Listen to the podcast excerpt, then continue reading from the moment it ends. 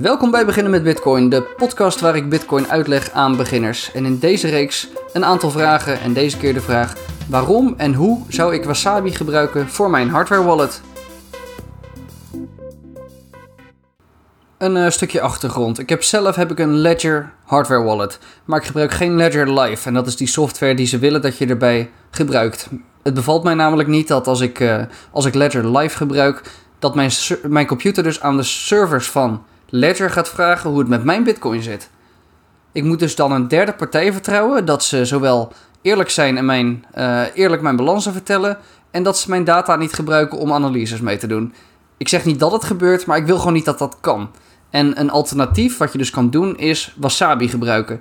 En Wasabi is een wallet, uh, is software op je computer, wallet software voor op je computer. Eigenlijk deels zoals dat Ledger Live, maar op veel vlakken een stuk beter in mijn ogen.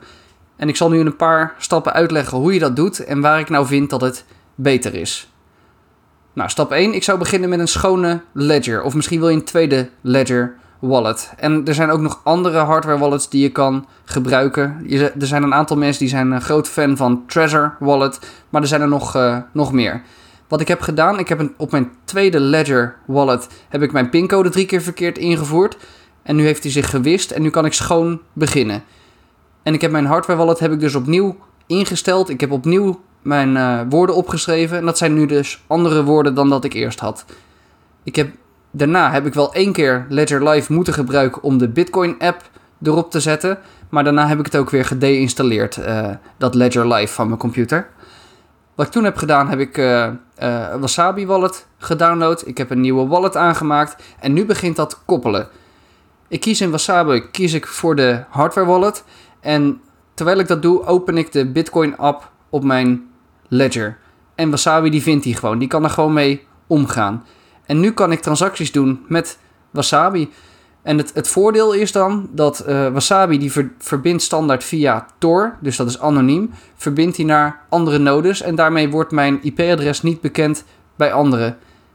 Ja, en dat, dat is het eigenlijk. Dat zijn de stappen die je moet doen om uh, je, je hardware wallet met Wasabi te gebruiken.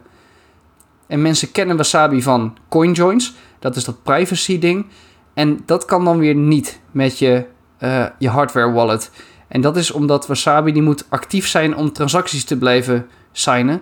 Dus als je wil coinjoinen voor, uh, voor privacy, dan moet je eens naar een tweede Wasabi wallet sturen. Dat is niet praktisch, maar goed. Ik uh, vind het voordeel vind ik er wel tegenop wegen dat, dat ik dat Ledger Live niet hoef te gebruiken. Dat was het alweer voor deze Q&A. Tot de volgende keer. En kom in de Telegram. Die vind je op beginnenmetbitcoin.com.